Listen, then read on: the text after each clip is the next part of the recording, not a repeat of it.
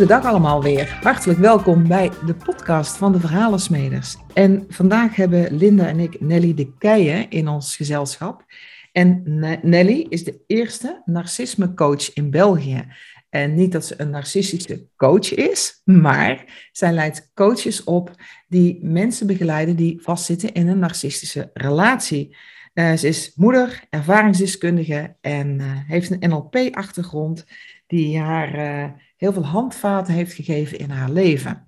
En ik ben heel benieuwd, Nelly, welkom naar jouw fantastische levensverhaal. Dankjewel, Lia en Linda. Mooi. Nou, fantastische levensverhaal. Ik weet niet, het is al wel een hele tijd. Ik, uh, ik ben geboren in 1950. Dat is uh, intussen al een 70-tal jaren geleden. Ik ben bijna 71. En ik had, maar dat weet je natuurlijk niet op een moment, ik had een narcistische moeder. Nu, ik zal zeggen, de eerste acht jaar van mijn leven heb ik er eigenlijk niet veel van gemerkt. Ik was een vrolijk kind en um, had, een, had een thuis. Vooral ook een heel liefdevolle vader. En was je de enige Nelly? Of had nee, je ik, had een, um, ik had een broer die bijna negen jaar ouder was.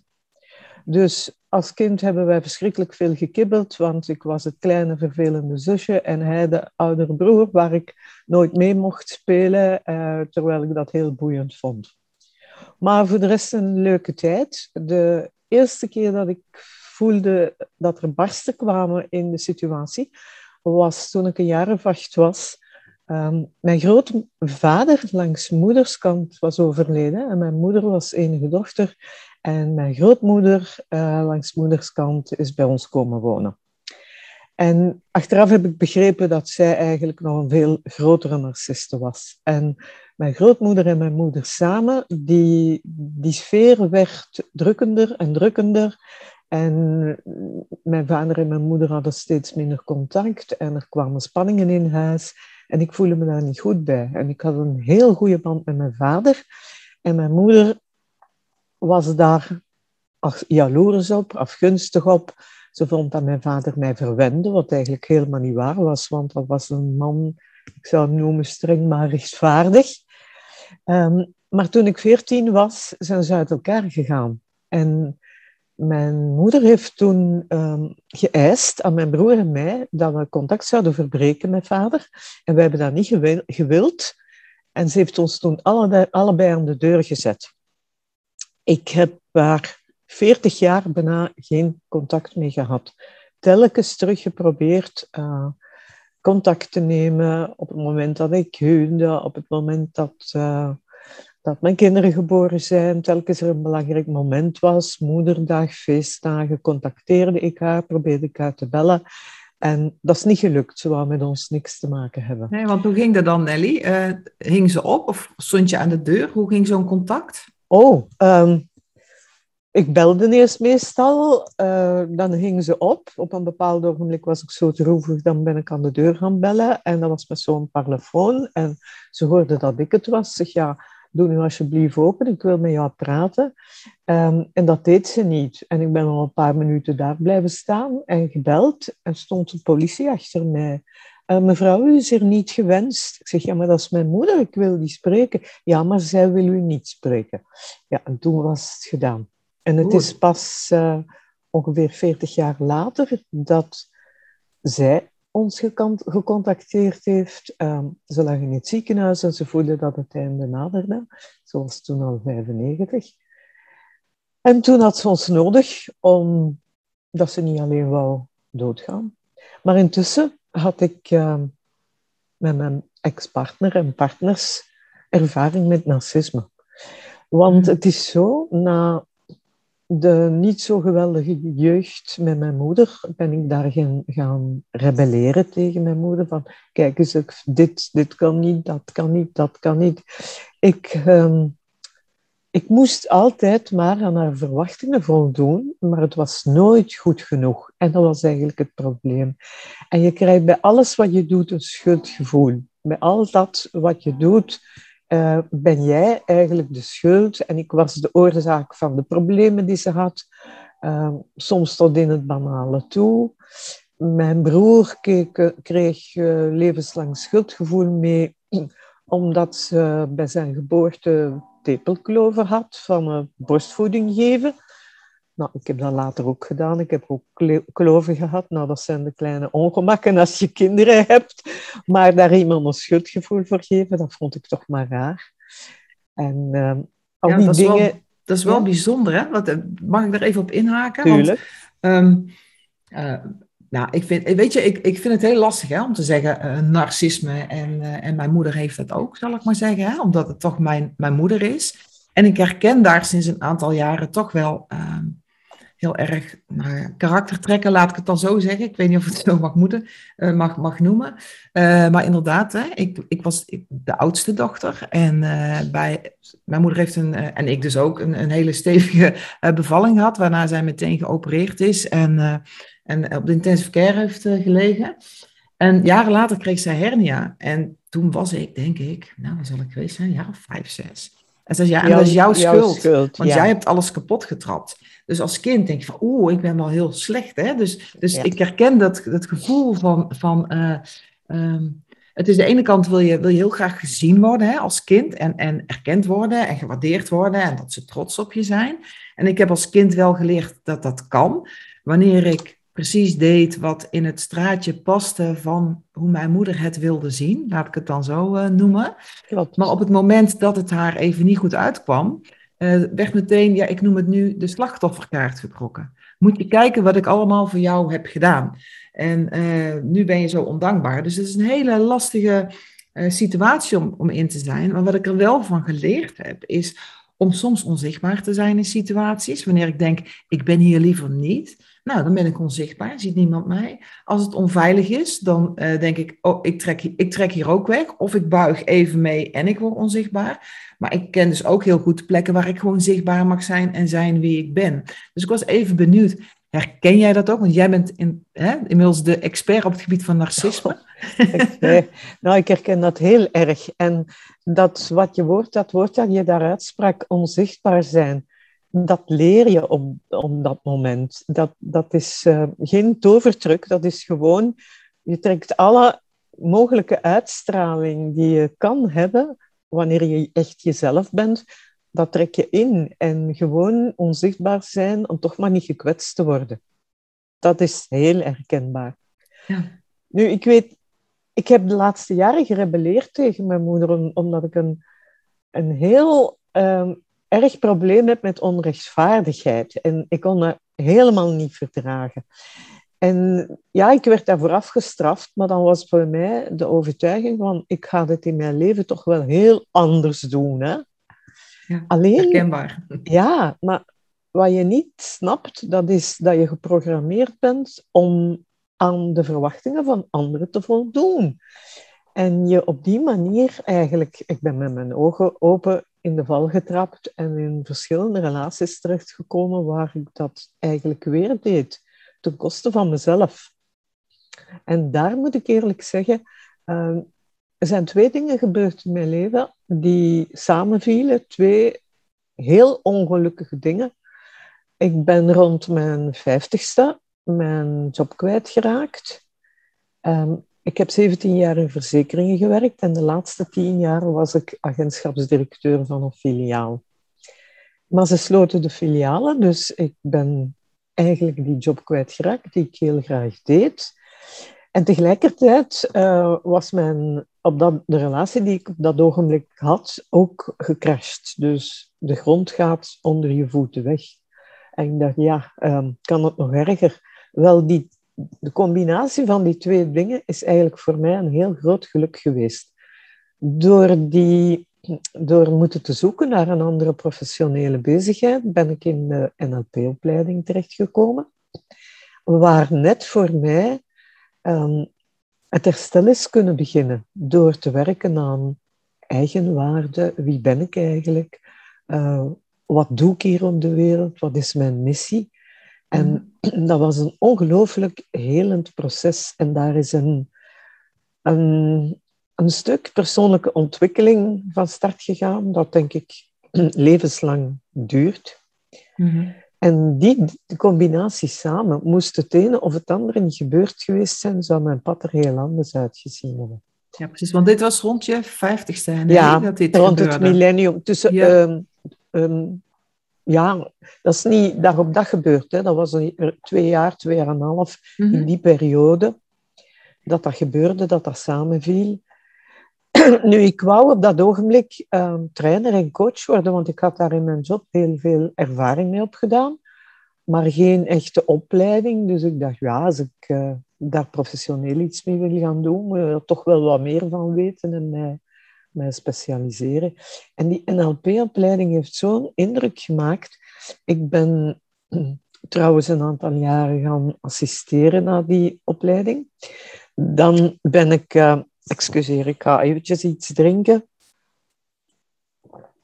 Dan ben ik naar, naar Londen gegaan voor uh, acht weken opleiding voor de trainerstraining in het NLP International Trainers Association.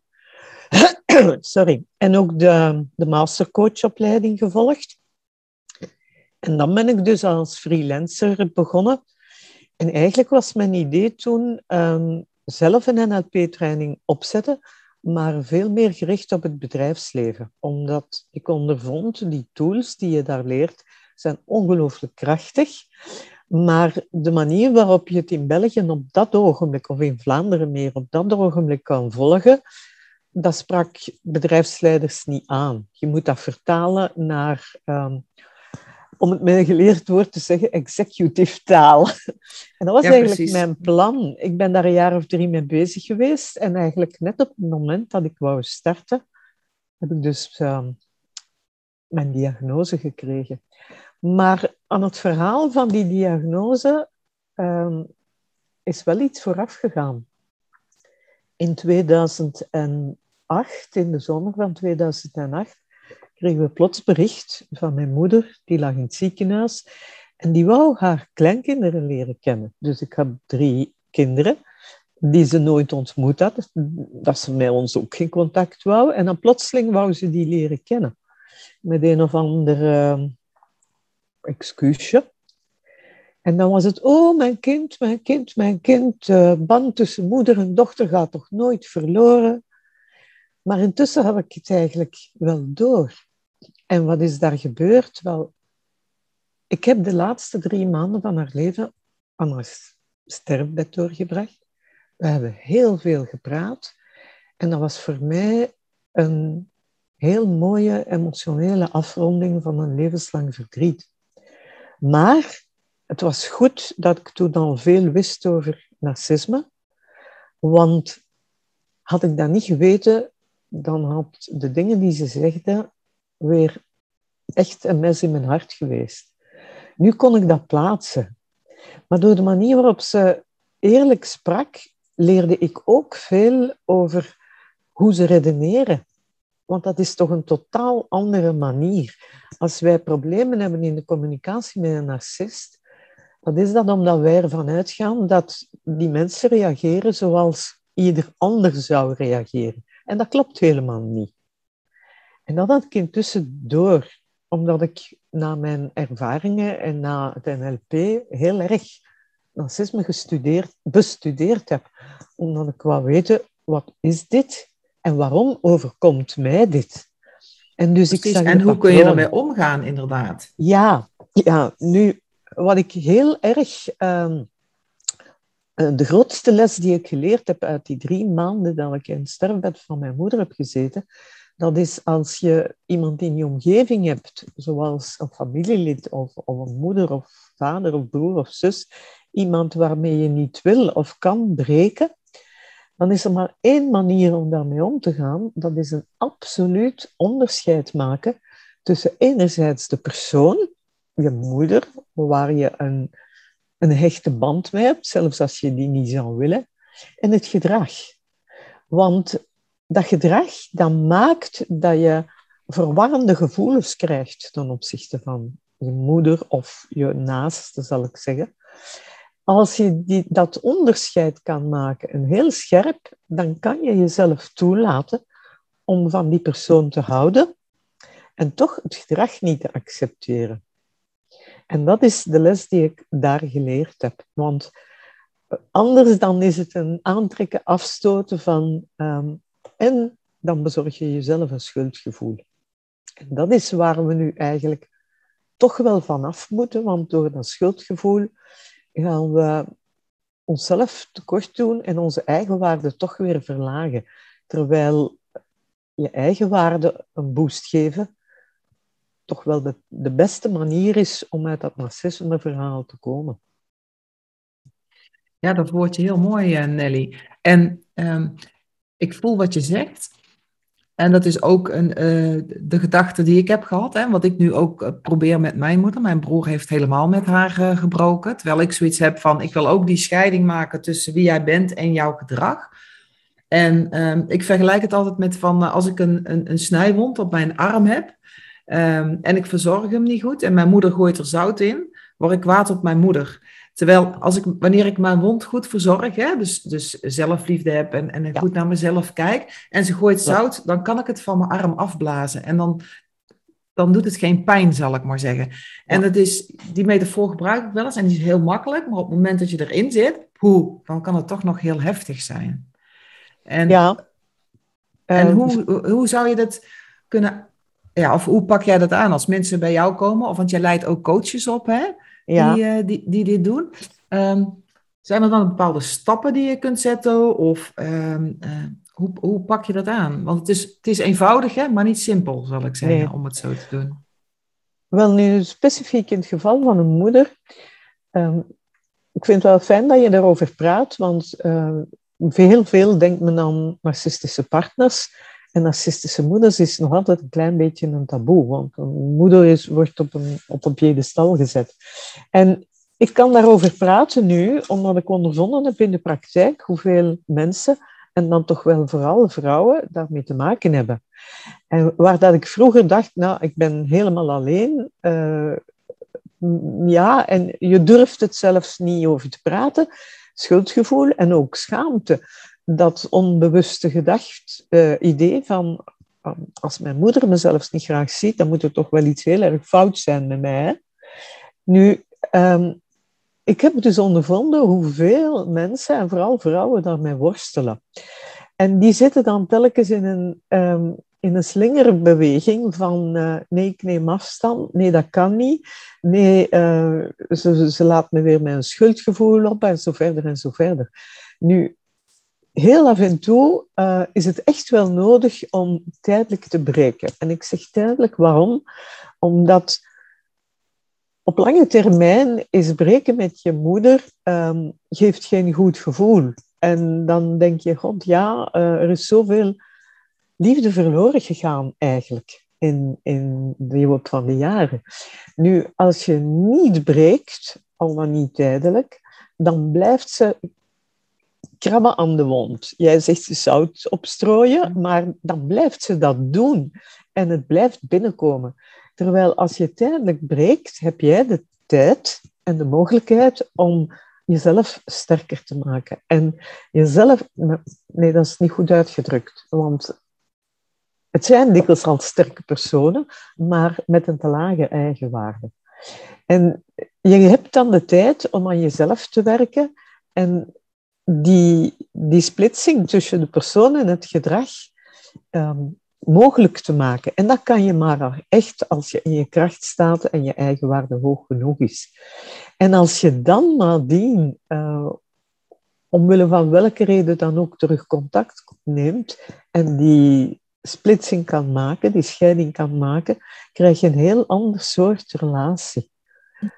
En... Ja, mooi dat je, dat je die zegt. Hè. Ik, heb, ik heb een tijdje wat minder contact opgenomen met mijn moeder. Hè. Er was iets gebeurd. Ze had, weet je, er was weer even wat wrijving waarbij ik het gedrag niet accepteerde. Dat ook heb aangegeven. Ik denk nu even uh, een stap terug. En ja, ik schaam me bijna als ik het zeg. Hè. Dus daar zit dus die schaamte op. Hè. Zes weken later nam ik pas weer contact op. En dan uh, pakt ze de draad gewoon weer op alsof ik er gisteren was. En dan oh, ben ik zo flabbergasted. Dan zeg ik tegen mijn man, hoe kan dit? Als dit met een van mijn kinderen zou gebeuren, zou ik vreselijk vinden. Zou ik het uitpraten, maar het, het lijkt wel of dat dan niet binnenkomt. En dat we weer over koetjes en kalfjes hebben. Dus er wordt niet gesproken over wat... ja, het lijkt wel of er geen gevoel uh, zit. Terwijl ik wel, en dat is, het, dat is het verwarrende voor mij, ik voel heel goed wat er bij die ander is. Ik voel haar eenzaamheid. En ik kan daar niks mee. En mijn man zegt elke keer, waarom probeer je het toch elke keer? En zeg ik, ja, het is wel mijn moeder. En hij zegt, ja, je, je ziet het patroon elke keer. En dan denk ik van, ja, ik zie het patroon, maar het blijft wel mijn moeder. En dat is best wel een worsteling. Ja, maar ik ben heel blij dat je het woord uh, gevoel gebruikt, want daar wil ik het dan even over hebben. Dat is fundamenteel om te begrijpen wat narcisme is. Uh, wij gebruiken de woorden gevoelens en emoties door elkaar in onze taal, maar ik maak daar een heel groot onderscheid, een heel duidelijk onderscheid tussen, omdat ik anders niet kan uitleggen wat narcisme eigenlijk is. Um, als je het is makkelijk hoor. Denk eens aan iemand die je heel graag ziet. Maar nu even die moeder of die partner. Maar denk aan even aan iemand die je heel, waar je erg van houdt. Ja. Ben je op die persoon ooit wel eens boos geweest? Ja. Ja, oké. Ben je nu nog boos? Nee, absoluut nee. niet. Oké. Maar je houdt van die persoon? Ja. Ja, mooi. Wel, het houden van dat is gevoelen, gevoelens. En dat komt uit onze kern. Ik noem dat de kern. Je kan dat noemen je geweten, um, je buikgevoel, dat wat, waar je echte persoonlijkheid zit. Daar zit ook jouw diepe gevoelsleven. Hm? Um, die boosheid die je voelde, die heeft niet veranderd dat die liefde wegging, maar die boosheid, dat was een emotie. En emoties, dat zijn eigenlijk niet meer of niet minder dan fysieke reacties van ons lichaam op een impuls. En die impuls, dat kan zijn, iemand zegt iets uh, waar jij boos van wordt, iemand doet iets waar jij boos van wordt, um, iemand doet iets waar jij verdrietig van wordt en je lichaam gaat reageren. Dat is een emotie. Nu, die emotie, die, die impuls, die komt dus ofwel van buitenwereld, iemand anders of iets anders, ofwel vanuit je eigen hoofd. Want als jij vandaag boos bent en je denkt daar morgen aan terug, kan je jezelf terug boos maken.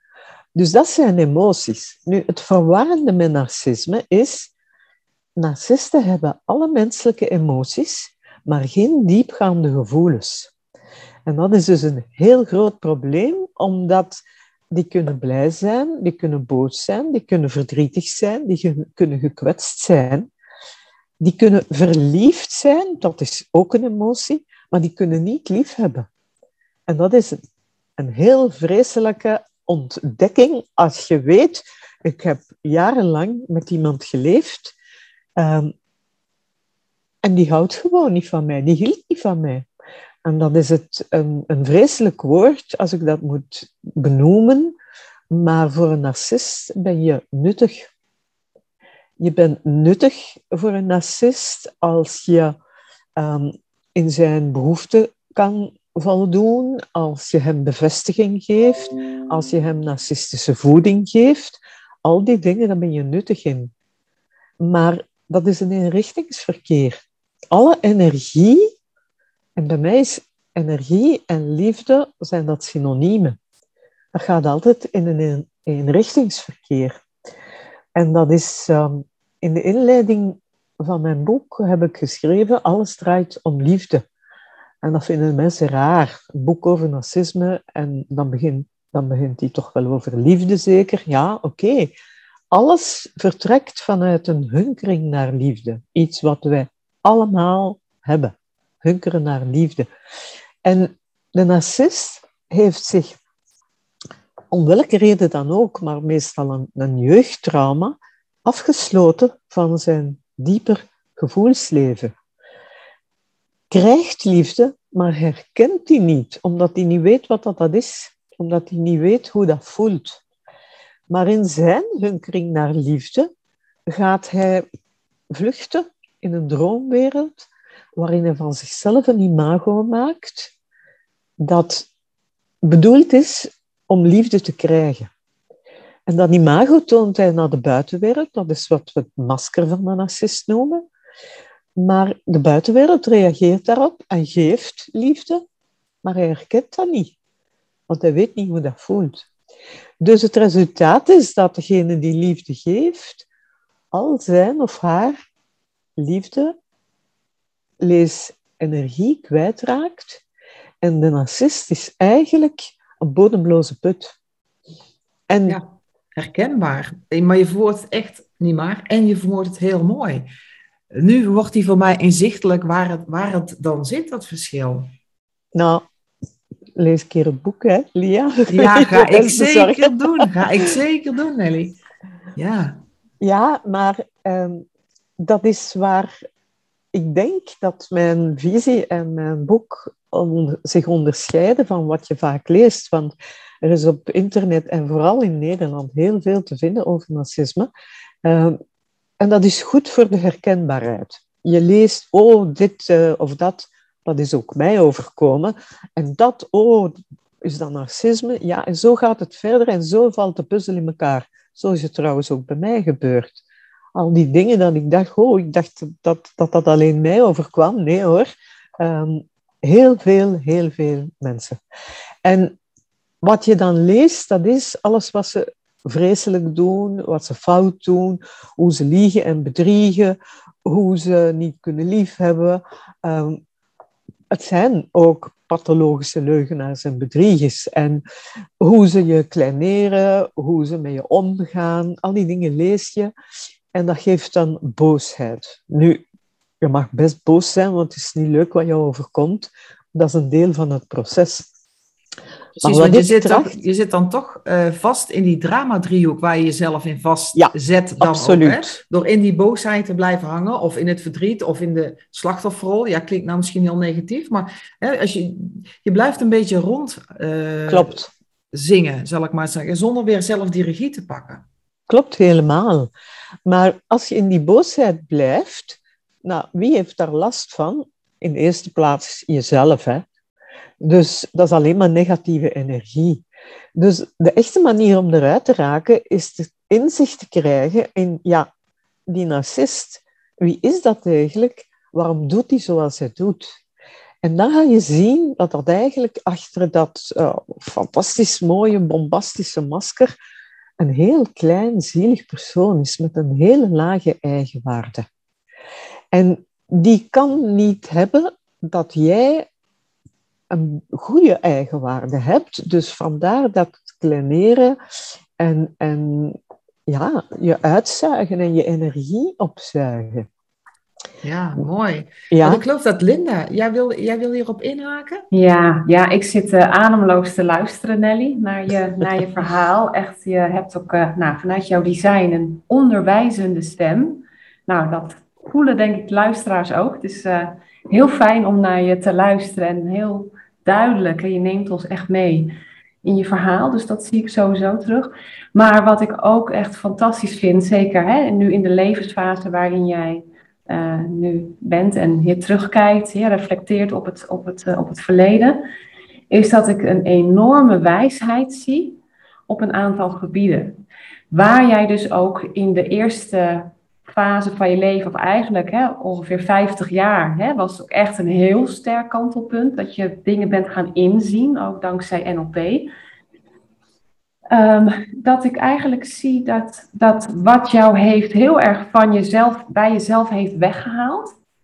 En dan bedoel ik letterlijk dat in jouw design kan ik terugzien dat je heel erg gevoelig bent qua conditionering voor wat andere mensen zeggen wat ze denken over jou.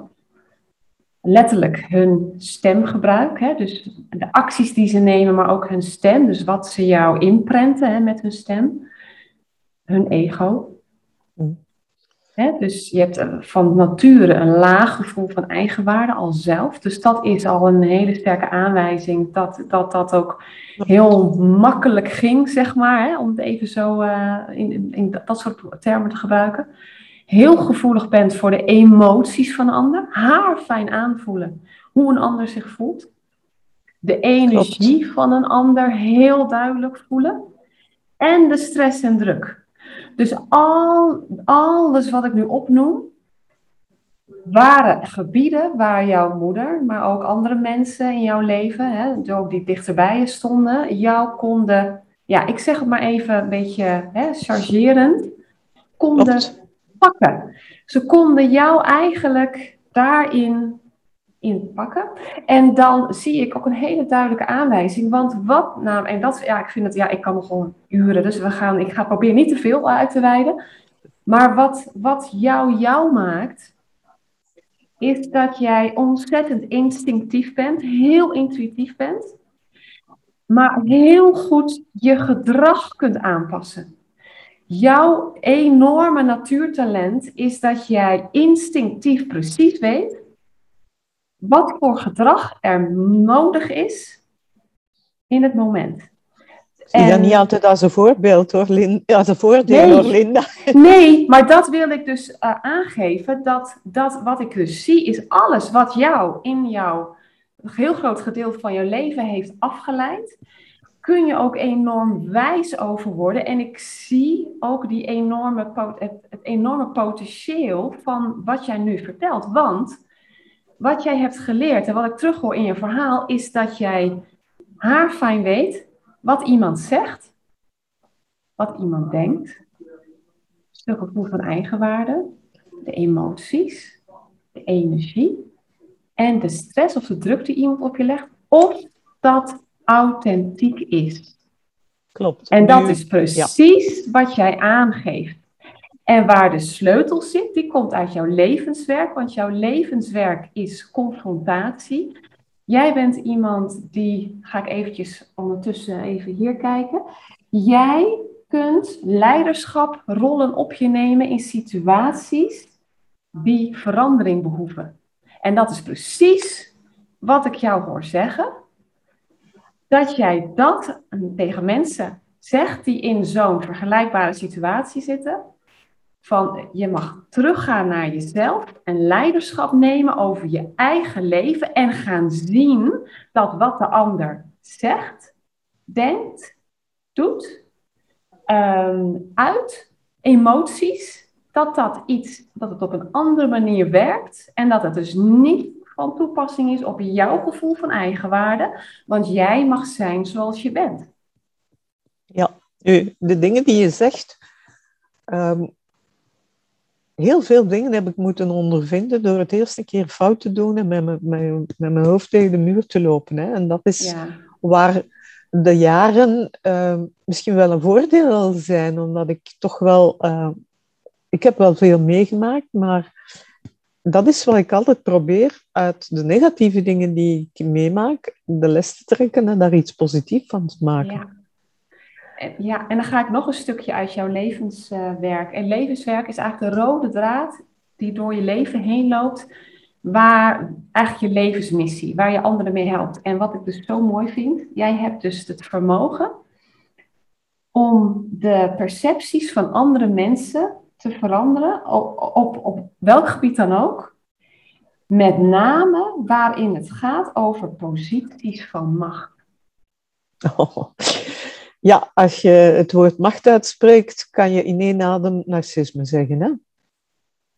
Dus jouw, al jouw openheid in jouw design, alles waar jij zeg maar letterlijk het narcisme hebt ervaren, omdat het namelijk, ehm, dat zijn alles wat namelijk, ja, ik, ik, je weet er nog niet heel veel over, uh, hè, over human design, maar de, ik kan dus zien hè, waar, de, waar andere mensen invloed op jou hebben. Dus alles waar, waar de, het gedrag, het, de, de identiteit van anderen, hè, dat heb jij zo, dat is bij jou zo open, dat, dat heb jij zo ervaren, dat je nu haar fijn de wijsheid daaruit kan filteren.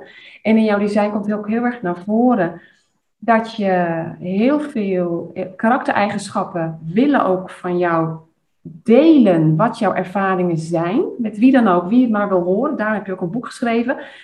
Hoor het maar. En dat jij praktisch, probleemoplossend handvatten geeft, hoe je ermee om kunt gaan. En wat ik heel mooi vind, is jouw type, want je bent namelijk een type wat maar 21% van de wereldbevolking is. Nou, Lia is dat ook. Want de meeste mensen op deze wereld zijn werkmieren. dat zijn mensen die zijn hier om te, om te bouwen aan dingen, te werken en, en hebben continu energie. Bij jou werkt dat anders. Heb je misschien ook wel gemerkt dat jij niet continu energie hebt voor alles? Dat je een ander iemand, ander persoon, andere ja, manier van met energie omgaat hebt.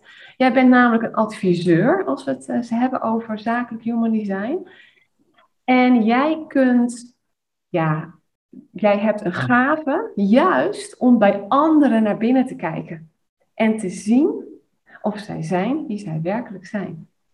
Dus ik hoor, ik hoor jou, en ik, ik, hè, ik zie ook hè, vanuit je conditionering, ben je daarvan weggehaald. Maar juist jij bent zo mooi in staat om ons mee te nemen en te adviseren, letterlijk, in hoe we anders kunnen omgaan met, uh, met dit soort situaties. Maar ik heb het toch ook moeten leren zelf hoor, want dat uh, zien en begrijpen wat er in anderen omgaat, is heel lang niet oké geweest. En dat is de periode dat ik dus gewoon, uh, ik zal niet zeggen ver weg van mezelf, maar helemaal niet mezelf was. Ja. En dat is eigenlijk het kantelpunt dat mij NLP gekomen is van... En dat is de vraag die ik nu aan mijn coaches stel of, of aan mijn uh, cursisten stel. Wie ben ik eigenlijk? Oeh, dat vinden ze moeilijk. Ja, ja, en daar kan, ik, daar kan ik ook nog wel iets op zeggen, uh, Nelly. Want als adviseur herken ik dat ook. Hè, van, ehm, Linda heeft ooit tegen mij gezegd, hè, als adviseur kun je je voorstellen dat je een soort uh, vuurtoren bent, hè, die, die, die zijn licht op iemand richt. Hè, en daar helemaal ziet van wat is er met jou, waar speel je, waar zit je natuurtalent, wat kun je wel, wat kun je niet ik noem het ook een beetje een bullshit generator. Hè? Van ja, je zit, eh, ja, weet je, gewoon onzin wat je zit te vertellen. Uh, ik ga mijn tijd niet ver, ver, verspillen. we, gaan, we gaan nu iets doen. Maar daarmee is het ook heel lastig om te kijken wie ben ik nou. Want als je licht op de ander staat, heb ik in ieder geval ik ook de ander nodig om te zien van, ah, en wie ben ik dan? Dus daar zit, daar zit toch, ja, een, een, een, een wederkerigheid in, zal ik maar zeggen. Klopt klopt helemaal. Nou, het is heel boeiend wat Linda vertelt. Heel veel uh, herkenbaar ook. Ik wil daar toch eventjes iets op inpikken. En um, dat wat jij beschrijft, heeft, uh, is in grote lijnen, misschien niet helemaal hetzelfde, maar is toch wel wat ik begrijp onder hoogsensitiviteit. En wat ik, dat wist ik al van mezelf. Dat heb ik uh, de laatste twintig jaar wel ondervonden.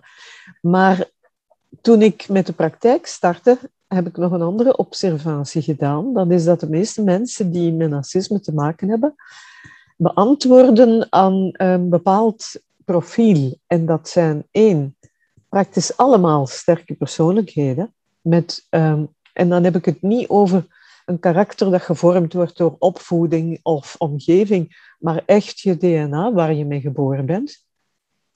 Een tweede zaak is die hoogsensitiviteit, die ook wel aangeboren is. Um, ik refereer even naar het werk van Elaine Aron, wat voor mij heel erg herkenbaar was toen ik dat leerde kennen. En de derde eigenschap is die te lage eigenwaarde. En dat is het goede nieuws, want dat is niet echt uit je DNA. Dat, komt, dat is een verworvenheid waar je kan aan werken. En dat is uiteindelijk de sleutel om uit dat racismeverhaal te komen.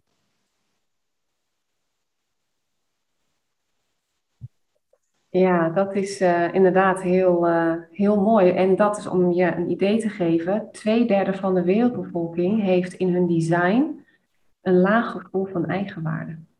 Ja, ja, heb ik intussen ook wel ontdekt, ja. En dat is, uh, dat is de bron van heel veel ellende. Precies. Maar, zonder daarover uit te wijden, is dat niet een heel groot gevolg van onze opvoeding? religie speelt daar een rol in soms. Ehm, politiek speelt daar een rol in. Uh, allemaal dingen van, we worden grootgebracht met een schuldgevoel. Ja, en wat je heel erg ziet en wat ik bij heel veel, hè, bij mezelf heb opgemerkt, is dat je je gaat bewijzen als je een laag gevoel van eigenwaarde hebt. En dat kan dus zijn naar je ouders, dat kan zijn naar je partner, naar jezelf, naar de maatschappij. En daardoor zie je dat heel veel mensen hun ego opkloppen tot buitenproportionele proporties, laat ik het zo zeggen. Ja. Uh, en dus een, een beeld schetsen hè, uh, waar, waar ze hun eigen waarde aan ontlenen. Kijk mij eens goed zijn in dit. En ook de behoefte om anderen naar beneden te halen, om zelf beter te lijken. Om maar niet door de man te vallen. Dat is wat ik ontzettend veel, ook in de wereld, zie. Het is soms ook letterlijk, ja, ja. bijna apengedrag, hè, van op de borst slaan. En wie maar het hardst roept, krijgt het meeste aandacht. Ja. En die uh, wordt gevolgd. Ik wil het toch nog heel eventjes hebben over een woord dat nog niet gevallen is en dat voor mij fundamenteel is in het praten over narcisme en dat is afgunst. De grond van narcisme is eigenlijk afgunst. En afgunst heeft een heel andere betekenis als jaloezie. Waar jaloezie soms nog een stimulans kan zijn van jij hebt een mooi jurkje, ik heb dat niet. Eh, nou, ik ga van alles doen om dat ook te krijgen. Dan, maar afgunst is, jij hebt een mooi jurkje, ik gun jou dat niet. Ik gun jou het geluk niet van, dat je hebt, van iets mooi te hebben, van iets vrolijk te hebben. En de echte kern van narcisme is, die kunnen niet liefhebben, die hebben geen diepgaande gevoelens. En dan spreek ik over de echte narcisme-stoornis. Dat is iets anders dan narcistisch gedrag, wat eigenlijk maar uiterlijke show is. Maar de mensen met de narcistische stoornis kunnen niet diepgaand liefhebben. En die gunnen het geluk aan anderen niet. En ze moeten dat afpakken. En dat is eigenlijk echt de basis van narcisme, wat heel weinig erkend wordt. En afgunst is een alarmbel. Ja, die vind ik zo mooi dat je die zegt. En die, die raakt ook. Um, een van de dingen waar ik ook later in mijn leven ben achtergekomen, dat ik nooit echt blij ergens mee durfde te zijn. Ja. Want er zat zo'n stemmetje in mijn achterhoofd. Wanneer ik blij ben, wordt het afgepakt. Dan wordt het vernietigd. En Klopt. dat is ja, even heel klein, hè? Van, van vroeger uit, nu jij hem zegt. Hè? Van, als ik heel erg blij was, kwam er altijd iets overheen waardoor het weer niet fijn was. Of waardoor het een negatieve connotatie kreeg. Dus die afgunst herken ik ook heel erg. Die, die vond ik ook heel erg. En pas te beseffen, jaren later, dat, dat, dat niet echt blij durven zijn en dat niet durven uiten daar vandaan kwam. Ja, dat is bij mij ook nog geen uh, vijf jaar geleden, zal ik maar zeggen, dat dat echt helder werd. Dus ik gun echt mensen die dit horen, dat ze sowieso jouw boek uh, gaan, uh, gaan lezen. narcisme, herken en begrijp de narcisten in je leven. Ik ga het in ieder geval zeker. Kan ik het rechtstreeks bij je bestellen, Nelly? Nou, dat is ingewikkeld. Ik moet ze zelf ook gaan kopen. Bolcom okay. levert ze de dag nadien. ik ga hem via Bolcom sowieso bestellen. Want ik heb gewoon heel veel um, dingen gehoord die ik enerzijds uh, wist. Ik anderzijds denk van, ah ja, zo zit het. Um, en ik hoop dat de podcast en, en het verhaal wat jij nu hebt gedeeld ook bij heel veel uh, mensen die nu in, zo'n, in een relatie zitten of in een relatie met hun moeder, maar dat kan natuurlijk ook hun vader zijn. Hè? Maar ik denk dat het echt het moeder-dochter, dat dat wel een hele bijzondere relatie is. Want, of ja, collega's, hè? daar hebben we het ook nog huh? niet over gehad. Hè? Ja, precies. Ja. Vreselijk op het werk. Ja, maar daar moeten we het misschien de volgende keer over hebben. Ja. Want wij zijn aan het einde gekomen van, uh, van onze podcast. Um, Nelly, wil jij nog iets uh, zeggen? Nou, ik vond het heel fijn om met jullie te praten. En dit is een onderwerp waar nog heel veel kan over gezegd en geschreven worden. Maar wil je meer weten? Lees het boek. Um, ik weet niet hoe jullie dat doen, maar ik wil best wel eens een boek uh, wegschenken aan, aan een luisteraar die geïnteresseerd Zien jullie maar hoe jullie dat regelen? Dat gaan wij gewoon regelen, Nelly. Dus uh, voor de luisteraars die denken van, ik wil heel graag uh, het boek Narcisme herkennen en begrijp narcisten in je leven. Stuur een mail naar info.verhalensmeders.nl met je naam, uh, je adres en waarom je het boek hebt. Je hoeft ook je adres nog niet te doen. Wanneer jij uitgekozen bent, zal ik je mailen en dan kun je je adres geven, anders moet je ineens zoveel delen. en dan zorgen wij dat het boek bij je terechtkomt. Linda, heb jij nog een uitsmijter? Nou ja, wat ik uh, ook nog heel mooi vind om te zien en wat ik echt wil meegeven, is dat jij alles in huis hebt, en dat heb je ook laten zien, om door crisis uh, heen te gaan, door frictie in je leven. En dat, um, dat je, uh, en ik noemde eerder ook al jouw onderwijzende stem, dat je echt het vermogen bezit en als geen ander om op dit onderwerp want dit is wat op jouw pad is gekomen in jouw leven. Om anderen te helpen uh, om, ja, om te gaan met deze situatie. En, uh, en ik hoop ook dat uh, je je daarmee erkent en uitgenodigd voelt om uh, nog veel meer te delen. Heel erg fijn om met jullie te praten en dank je voor de inzichten. Dankjewel. Dankjewel Linda, dankjewel Nelly. En wie weet komen we nog een keer terug. Hè? Want ik vind ook wel narcisten op het werk, vind ik ook wel heel interessant. Uh, dus um, uh, we, gaan het, we gaan het er buiten de uitzending nog over hebben. Dankjewel Nelly, dankjewel Linda en dankjewel luisteraars van de Verhalensmeders. Wil je ons volgen en geen enkele uitzending missen? Volg ons dan via verhalensmeders.nl en je krijgt elke week een nieuwe podcast aangeboden. Fijne week allemaal.